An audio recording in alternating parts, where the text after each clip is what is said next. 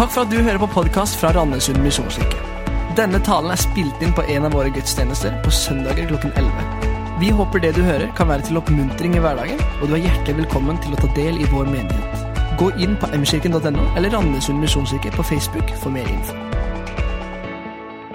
takker deg for at eh, du er her. Så takker deg for at det gjør hele forskjellen. Takk for at vi kan samles om deg, om ditt ord. Og så har jeg lyst til å be om at ditt ord skal få lov til å skape noe i vårt liv. Jeg om vi skal få høre fra deg. Må du være sammen med oss. I Jesu navn. Amen. Vårt eh, menneskelige følelsesliv det kan spenne utrolig vidt. Vi føler veldig mye forskjellig. Sinne, glede, frustrasjon. Følelsene våre kan være så mangt. Så har vi valgt å kalle denne taleserien som er inne i nå, for 'Den følelsen'. Den følelsen. Og Vi vender blikket mot Salmenes bok, hvor dette med følelser kommer tydelig fram. Er det noe vi prater mye om i vår tid, så er det følelser. Jeg prater med ungdommer mye, så føler de veldig mye. faktisk. Følelser preger vår tid. Og nettopp Salmenes bok sier noe om akkurat dette. Sier noe om hvordan vi kan håndtere følelsene våre. Og Disse tekstene er utrolig relevant også i 2018. Jarle talte sist om Salme 73 og den følelsen når det går så himla godt med alle de andre. Misunnelse. I dag så vender vi blikket mot Salme 51. Og så er temaet 'den følelsen' når du blir totalt avslørt. Der kommer han opp. Den følelsen når du blir totalt avslørt. Salmens bok er spesiell. Det handler om følelser. Og så tror jeg vi finner ord i disse tekstene om at Gud faktisk rommer de følelsene vi har. Og Vi ønsker å tale sant om det. Det er faktisk ingen annen bok som Jesus siterer like mye fra som Salmenes bok. Jarle sa sist at dette er Jesus' spilleliste på mange måter. Dette var sangene han hadde, dette var bønnene Jesus ba. Det er med andre ord noe å hente her. Og så skal vi til Salme 51 med den utfordrende tittelen 'Den følelsen når du blir totalt avslørt'. Nesten litt ubehagelig å skulle prate om det akkurat nå. Totalt avslørt. Jeg husker at når jeg gikk på barneskolen og var på vei hjem fra skolen, det var helt i begynnelsen av barneskolen, sammen med min gode kompis, så var vi så heldige at vi fant en røykpakke liggende langs veien. Og vi var jo så heldige at røykpakka var ikke bare tom, men den var jo nesten full. Så vi tok den med, fornøyde med funnet vårt, og så kom vi hjem og så fant ut at dette er vi nødt til å prøve. Um, og vi hadde jo, Det var jo vanlig, mange som røyka i den tida, så vi hadde jo en formening om hvordan dette skulle gjøres. og bestemte oss for at nå går vi i skjul bak lekehytta ute i hagen, og så prøver vi. Jeg fant fram en lighter hjemme, og så gikk vi ut. Jeg, jeg husker ikke åssen min røykedebut gikk. Det smakte sikkert ikke veldig godt. Og så husker jeg at ikke akkurat hvordan det smakte eller hvordan jeg følte det. eller Det gikk sikkert ikke så veldig bra, men det jeg husker veldig godt, det var når jeg kom hjem og traff min far i døra. Fordi Han lurte sikkert på hvorfor jeg gikk med en lighter i det første. Men når han kjente hvordan vi lukta, så var det sikkert ikke så vanskelig å legge ting sammen. Jeg husker han spurte hvorfor har dere vært ute og lekt med den lighteren. Og så er jo barn skjønner når de er avslørt og skal finne musikk. Nei, vi var bare ute og lekte. Å ja, men hvorfor lukter dere så bål? Nei, så røyk? Nei, vi, var, vi prøvde å tenne bål. Vi bare var ute og lekte. Å ja, men hva er det egentlig du har i lomma di?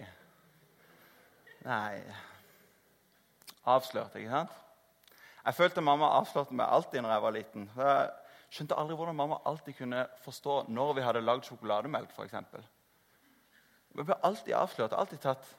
Så har jeg kanskje skjønt etterpå at det var ikke så vanskelig å ta feil av alle O'boy-sporene liksom, utover kjøkkenbenken og i stua og ellers. Mamma avslørte meg alltid. Og egentlig har det fortsatt nå som jeg er gift. Jeg kommer hjem og så, 'Marius, vet du hvorfor det ikke er noen flere boller i frysen?' Nei, jeg vet ikke. Avslørt. Litt fra spøk til alvor så handler dette om å avsløre. Det handler om noe litt alvorlig òg. Er det noe media skriver mye om for tida, så er det jo nettopp det å bli avslørt. Hashtag metoo har avslørt mange og viser på mange måter at alt kan komme fram. Og så liker vi ikke å bli avslørt. Det er noe med det som vi frykter. Hva om alle visste? Hva om noen visste hva som egentlig foregikk på min innside? På Facebook så liker vi og deler diverse ting. Hva om folk fikk innblikk i alle de imaginære likesene som jeg deler ut? Det jeg egentlig tenkte når jeg så det bildet. Den kommentaren jeg egentlig hadde når jeg så det. Det bildet som øynene mine festa litt lenger på enn hva jeg skulle like å innrømme. Vi liker ikke å bli avslørt. Det er noe med stoltheten vår. Kanskje frykten for avvisning. Hva om de visste? Hva om de visste? Dagens bibeltekst, Salme 51, den står i kontekst av en av Bibelens store metoo-skandaler. Og det er kong David som blir avslørt. Kong David er i Jerusalem, og herren hans sin er ute i krig mot ammonittene. Og Vanlig praksis er at eh, kongen er med i disse krigene, men akkurat denne gangen så var David hjemme i Jerusalem. Så forteller andre Samuels bok at David sto opp av senga og gikk opp og vandra seg en runde på slottstaket på kvelden. Mens han vandrer der, så får han øye på en dame som bader. Og Så står det at kvinna var svært vakker. Og David sender bud for å spørre om hvem er denne dama. Så får han svare det er Batseba, kona til en av dine trofaste soldater. Men likevel så gjør David det at han sender bud etter Batseba for å føre til slottet. Forteller Bibelen at David ligger med Batseba.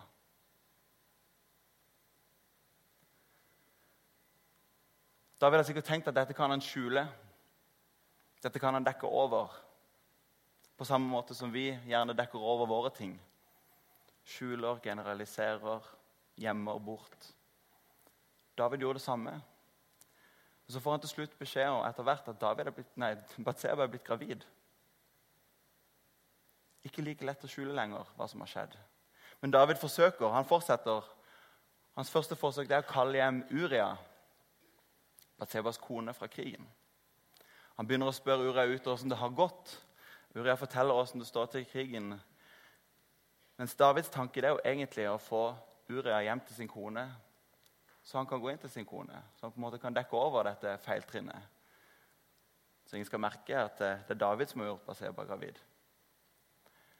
Men planen til David funker ikke. Og han må legge en ny plan. Og det går faktisk så langt at David sender Uria tilbake til krigen. Men med et brev til Joab, hærføreren til David, om at du må sette Uria helt forrest i krigen. En plass der du vet at han sannsynligvis blir drept. Hvorfor? Jo, for å skjule, dekke over det som hadde skjedd. Det er derfor vi har uttrykket Urias post.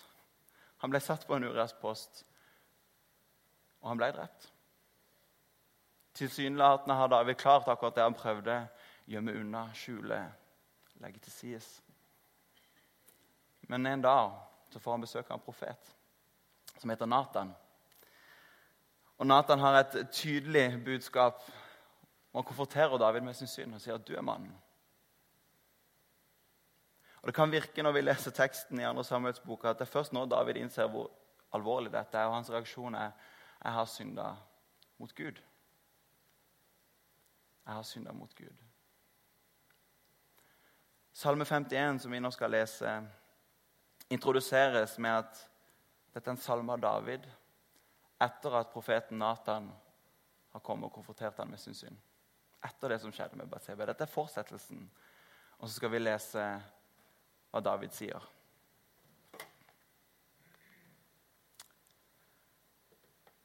Vær meg nådig, Gud, i din kjærlighet Stryk ut mitt lovbrudd i din store barmhjertighet. Vask meg ren for skyld og rens meg for min synd. For mine lovbrudd kjenner jeg, min synd står alltid for meg. Mot deg alene har jeg synda. Det som er ondt i dine øyne, har jeg gjort. Derfor har du rett når du taler. Du er ren og du feller dom. Ja, med skyld ble jeg født, og med synd ble jeg til i mors liv. Se, du gleder deg over sannheten i mitt indre. Du lærer meg visdom i det skjulte. Ta bort min synd med isopp, så jeg blir ren. Og vask meg ren, så jeg blir hvitere enn snøen. La meg få oppleve fryd og glede. La lemmene du knuste, få juble. Skjul ditt ansikt for mine synder. Utslett all min synd. Gud, skap i meg et rent hjerte. Gi meg en ny og stødig ånd. Og driv meg ikke bort fra ditt ansikt. Ta ikke fra meg din hellige ånd og gi meg igjen gleden over din frelse. Hold meg oppe med en villig ånd. Jeg vil lære lovbrytere dine veier. Syndere skal vende om til deg. Det er Davids ord. Mens jeg har forberedt meg, så har jeg kjent at det er utrolig mye jeg kunne sagt om denne teksten, om Davids historie, om den følelsen når du blir totalt avslørt. Men det er tre ting som jeg egentlig har lyst til å fokusere på. Og Det første er at Gud avslører. Gud avslører. Vi er ikke noe glad i avsløring. Det gjør noe med vår stolthet. Vi er redd for avvisning. Men jeg tror at en av Jesu oppgaver det er å avsløre oss. I Johannes kan vi lese om at Den hellige ånd, en av Den helliges oppgaver det er å åpenbare synd for oss.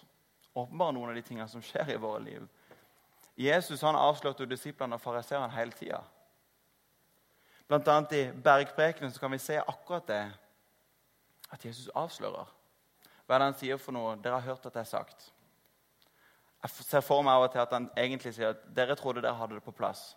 Men jeg sier dere Jesus avslører. Og så liker vi ikke å høre det, for det at noe av det verste vi vet, det er jo nettopp det å bli avslørt. Vår stolthet rakner. Hva vil andre tenke? Vi dekker over, vi skjuler. Men hvorfor avslører Gud? Gud avslører fordi det leder til frihet. Når Gud avslører, så får han mulighet til å sette fri. Det som skjer når vi skjuler, når vi lyver, når vi gjemmer bort.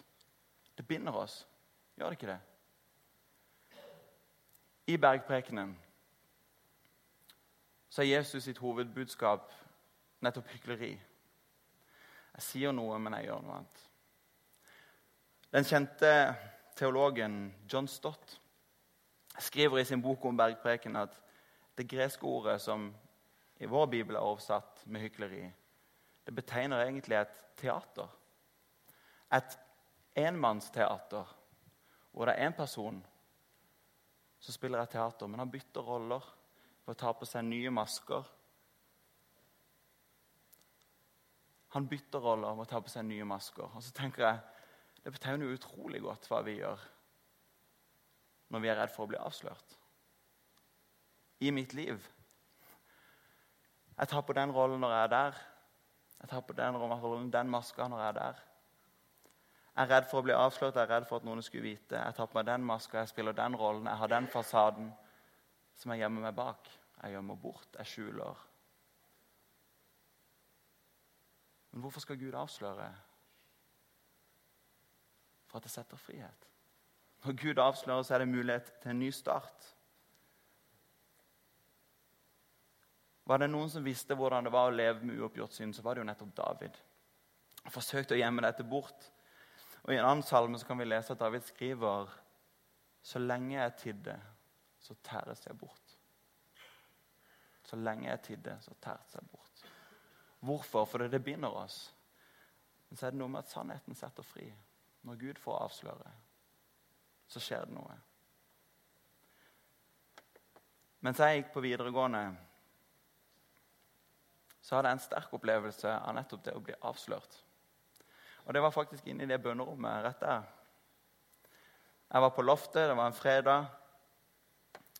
Og så hadde jeg egentlig bare gått, skulle bare gå til forbønnet. Ante fred og ingen fare. Gikk inn i bønnerommet. Og Så ble jeg igjen der etter bedt for og satt og prata med Jonny Omdal, som var tidligere ungdomspastor. Og På en eller annen finurlig måte så fikk Jonny Natans rolle i mitt liv. Og Det var ikke nødvendigvis noe Jonny sa. Han var ikke like direkte som Nathan og sa at du er mannen, du har synda mot Gud. Men jeg prata med Jonny, og så på en eller annen grunn så åpenbarte Gud for meg hvordan det egentlig sto til på min innside. Og så skjønte jeg at det var overhodet ikke sånn som jeg hadde tenkt. Det var ikke så fint og flott som jeg tenkte. Og Når jeg ser tilbake på det, så høres det kanskje dramatisk ut, men det har vært en av mine viktigste opplevelser i mitt liv. At Gud fikk avsløre meg. Bare si at 'Marius, du trenger meg'. Jeg trodde egentlig jeg fiksa det sjøl. Men du trenger meg, Marius. Vi trenger å oppleve at Gud avslører. For dette setter deg fri.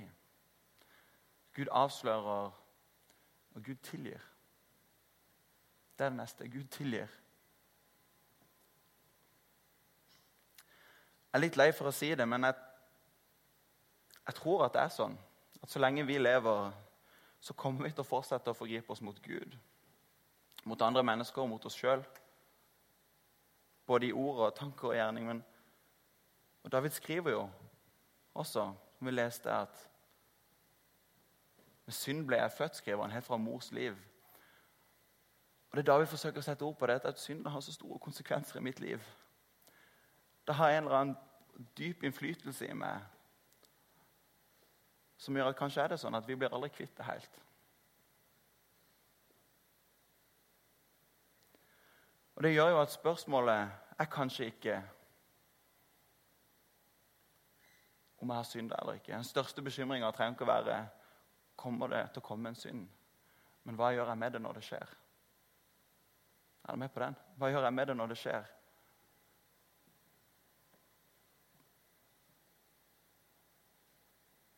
Hele Davids bønn, som vi leste, det er et stort rop om tilgivelse. David forsøker lenge å dekke over sin synd. Han blir avslørt, han blir konfrontert, og så legger han seg helt flat. Han får oppleve at Gud tilgir. Vi leste at han sier, 'Mot deg alene, Gud, har jeg synda.' Mot deg alene. Når man først leser det, virker nesten litt urettferdig overfor Batseba og Uria. Det er jo en stor ugjerning, ikke bare mot Gud, men mot hans medmennesker. Og så tror jeg ikke det er en bortforklaring, men en dyp erkjennelse av at hvem er det mitt liv egentlig står til ansvar for? Jo, det er jo nettopp Gud. Det er nettopp Gud mitt liv står til ansvar for. Det handler ikke om vår synd nødvendigvis, men hva gjør vi med synden vår? Vi blir avslørt, han bekjenner og får tilgivelse. Hvorfor er disse tingene så viktige? Jens Petter Jørgensen han sier at Fremgangen og dynamikken i vårt kristne liv den kommer når vi taler sant om Gud, men også når vi taler sant om oss sjøl. Vi må tale sant om begge deler. Så når jeg satt der inne på bønnerommet den gangen, så skjønte jeg at Gud, han tilgir. Jeg må tale sant om det, at Gud tilgir. Jeg må tale sant om at Gud, han kan frelse. Jeg må tale sant om meg sjøl. Jeg trenger tilgivelse. Jeg trenger frelse. Når vi tør å tale sant om Gud og om oss sjøl Når jeg tør å si at sånn er livet mitt akkurat nå, Gud Om det er bra, om det er dårlig Så er det nesten så jeg skaper et rom inn i mitt liv som Gud kan få lov til å gripe inn i. Når vi taler sant om Gud og om oss sjøl, hva skjer da? Jo, endelig kan Guds ressurser få lov til å møte mitt liv sånn som det faktisk er. Er det ikke det som skjer? Endelig kan Guds ressurser, Gud med sin tilgivelse, med sin nåde, med sin kjærlighet, jeg kan få lov til å møte mitt liv akkurat sånn som det er. fordi at jeg åpner opp.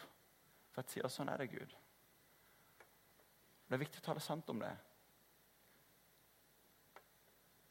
Det er jo et kjempeutfordring skulle tale sant om åssen livet mitt faktisk er. Som kristne så har vi jo så lett for å skjule det. For det er skam forbundet med det. Vi ønsker ikke å vise hvordan det egentlig er. For vi skulle jo være sånn og sånn. Som kristne skulle jo være sånn og sånn. Men når vi slipper Gud inn på livet vårt sånn som det egentlig er, hva skjer? Jo, Guds ressurser kan få møte vårt liv sånn som det egentlig er. Vi slipper opp, vi gir rom for Han. Og så er det jo sånn at hvis vi ikke våger å vise svakhet og be om hjelp, og slipper andre mennesker inn i livet vårt, så får vi ikke oppleve den nærheten og barmhjertigheten som vi ønsker. På et menneskelig nivå med våre medmennesker. Men ofte så tenker vi ikke at det gjelder Gud. Men det er akkurat det samme. Hvis vi ikke tør oss å slippe Gud inn, fortelle åssen det er, så er det fare for at vi stenger han ute. Vi lar ikke slippe til. Det er derfor Jens Petter Jørgensen sier dette. og jeg synes det er utrolig bra. Den største hindringen for at Gud kan få gjennom sin gode vilje med oss mennesker, har alltid vært vår egen dyktighet, styrke og selvtilstrekkelighet. Hvorfor? Jo, fordi vi slipper ikke Gud inn. Han får ikke slippe til. Vi stenger han ute. Gud avslører, og Gud tilgir. Når jeg satt og forberedte meg, så tenkte jeg at jeg kan ikke si at Gud tilgir. Det har du jo hørt tusen ganger før. Det er jo så kjedelig å si at Gud tilgir. Men det er noe med at vår evne til å skjule, til å dekke til, til å gjemme unna, sier jo noe om at kanskje ikke det når dypt nok inn i oss at Gud faktisk er en Gud som tilgir. At vi stenger jo alt ute. Jeg tror ikke bare vi er redd for hva mennesker sier hvis de egentlig visste. Men ofte kan jeg kjenne at jeg er redd for hva Gud vil si hvis han egentlig visste.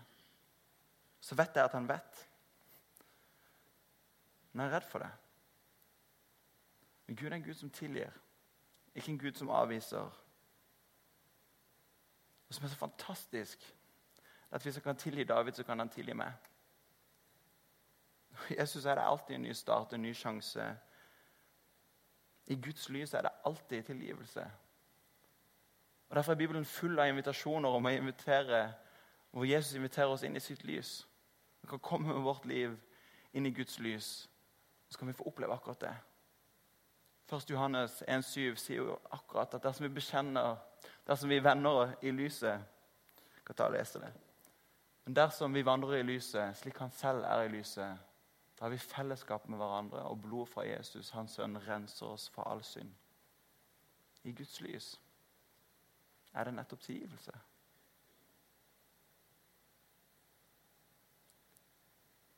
Det er tilgivelse. Vår oppgave er egentlig bare å komme inn i lyset og si sånn er livet mitt akkurat nå. Om det er bra, om det ikke er bra, om det ikke er akkurat sånn jeg ønsker det skulle være. Gud avslører, Gud tilgir, og Gud han gjenoppretter. David er blitt avslørt, hans rop om tilgivelse, det er hørt. Og så får han oppleve at Gud gjenoppretter. Og Noen av de vakreste ordene i denne salma syns jeg det er disse her. Når David skriver 'Driv meg ikke bort fra ditt ansikt'. Ta ikke fra meg Din Hellige Ånd, men gi meg igjen gleden over din frelse. Så sier han helt til slutt at jeg vil lære lovbrytere dine veier, og syndere skal vende om til deg. David får oppleve en gjenopprettelse. Når man i Det gamle testamentet snakker om hjertet David skriver 'hjertet heier meg et nytt, rent hjerte'. Så er det kanskje andre betegnelser enn det vi tenker det. Når jeg tenker hjerte i 2018, så tenker jeg følelser. Jeg føler Mens i Gamle testamentet er det sterkt knytta mot viljen vår. Viljen til etterfølgelse. Viljen til å leve sammen med Gud. Og Det David ber om her, er egentlig at Gud må du skape en ny vilje til å følge deg. Jeg har bomma, jeg har dumma meg ut. Jeg ber om tilgivelse, men Jesus jeg ønsker å følge deg. Og Det er nesten en rededikering av sitt liv til Gud. og sier at Jesus, jeg ønsker å følge deg. Skap i meg et nytt hjerte, skap i meg et nytt liv. Det er dette jeg ønsker. David skjønner at det er Gud som må skape det, det er ikke meg som må prestere det. Og Så ofte når jeg har gjort noe galt, så tenker jeg at jeg må gjøre det godt igjen. Om jeg så har gjort noe galt mot Marte, min kone, eller om Jeg må gjøre det godt igjen. Jeg fått tilgivelse, men jeg gjør det godt igjen. Og Ofte så anvender jeg samme mønster hos Gud og sier jeg kan tro at du tilgir meg, Gud, men jeg skal sannelig vise meg fortjent til den tilgivelsen. Og aldri så ivrig i tjeneste er jeg da som når jeg har gjort noe galt og skal bevise meg god igjen. Og Vi anvender disse mønstrene, og så sier David at det handler jo ikke om det. Det handler overhodet ikke om at jeg skal ta meg sammen igjen, om at jeg skal prestere igjen. Men det er en som har prestert for meg. Gud, må du få skape i meg en vilje til å følge deg. Må du få skape i meg et nytt liv. Et liv hos deg. Det er ikke atferdsforandring, men det er hjerteforvandling. Det er noe helt annet. Det er ikke atferdsforandring, men det er hjerteforvandling. Gud, skap i meg en ny vilje til å følge deg. Til å leve med deg. Jeg gir mitt liv til deg, Herre Jesus. Skap i meg.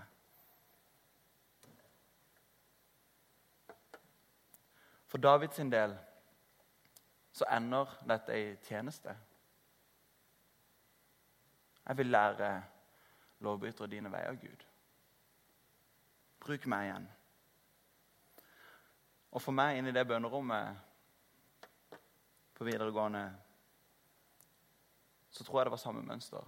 Når jeg ser tilbake, jeg hadde aldri vært ungdomspastor hvis ikke det hadde vært for den opplevelsen der. Det høres rart ut, men det endra totalt retning i mitt liv. Hvorfor? Fordi jeg skjønte at det er helt naturlig å gi alt tilbake han, til han som ga alt for meg. Det er helt naturlig å gi alt tilbake til han som ga alt for meg. Man får oppleve Guds tilgivelse, Guds nåde. Så akkurat som det skjer noe. Det endrer noe på innsida. Det er helt naturlig å gi alt tilbake til han som ga alt for meg. Og når man har opplevd nåde og tilgivelse, så kan man gi det videre. Jeg syns det er så presist og godt når Magnus Malm skriver hva er det en kristen leder har å styrke mennesker med? Det er i alle fall ikke egen syndfrihet og prektighet som bare er egnet til å trykke folk ned. Det eneste som dypest sett kan styrke et menneske, er Guds nåde. Og den nåden kan bare mennesket formidle som selv har innsett sitt eget skrikende behov for den. Den som har tatt den imot i sitt eget liv. Den som aldri har tatt imot barmhjertighet, kan aldri formidle den til noen andre tror det er sant. David han fikk oppleve at Gud avslører, at Gud tilgir, at Gud gjenoppretter. Og så tror jeg vi kan oppleve det samme. David blir i Bibelen kalt en mann etter Guds hjerte. Jeg tror ikke det handler om alle de seirene han vant. Det handler om mer enn det. Det handler om seirene, men det handler også om hva skjedde i disse tapene, i disse nederlagene? Jo, han vender seg til Gud. Han reiser seg igjen. Det er en mann etter Guds hjerte. Jeg vet ikke hvordan dere, dette lander hos dere. Det har utfordra meg å sitte og jobbe med dette i mange dager. Men det er mulig at det sitter noen hos dere som kjenner at jeg har noe jeg skulle latt Guds lys lyse innover. Det er mulig at noen av dere sitter med noe som jeg tror jeg skulle latt Gud avsløre hos meg. Noe jeg kan slippe andre mennesker inn i. Kanskje det er en eller annen fasade som skal få lov til å legges til side, sånn at Guds virkelighet og Guds ressurser egentlig kan få møte livet sånn som det faktisk er. Kanskje noen av dere som kjenner at det er tid for å be samme bønn som David. Skap i meg et rent hjerte. En rededikering, et ønske om å Jesus, jeg ønsker å leve for deg. Jeg ønsker å komme tilbake igjen til det. Det er der jeg ønsker Jesus. Jeg ønsker å gi alt til deg som ga meg alt. Så har jeg helt til slutt lyst til å si igjen Gud er en Gud som tilgir. Gud er en Gud som tilgir.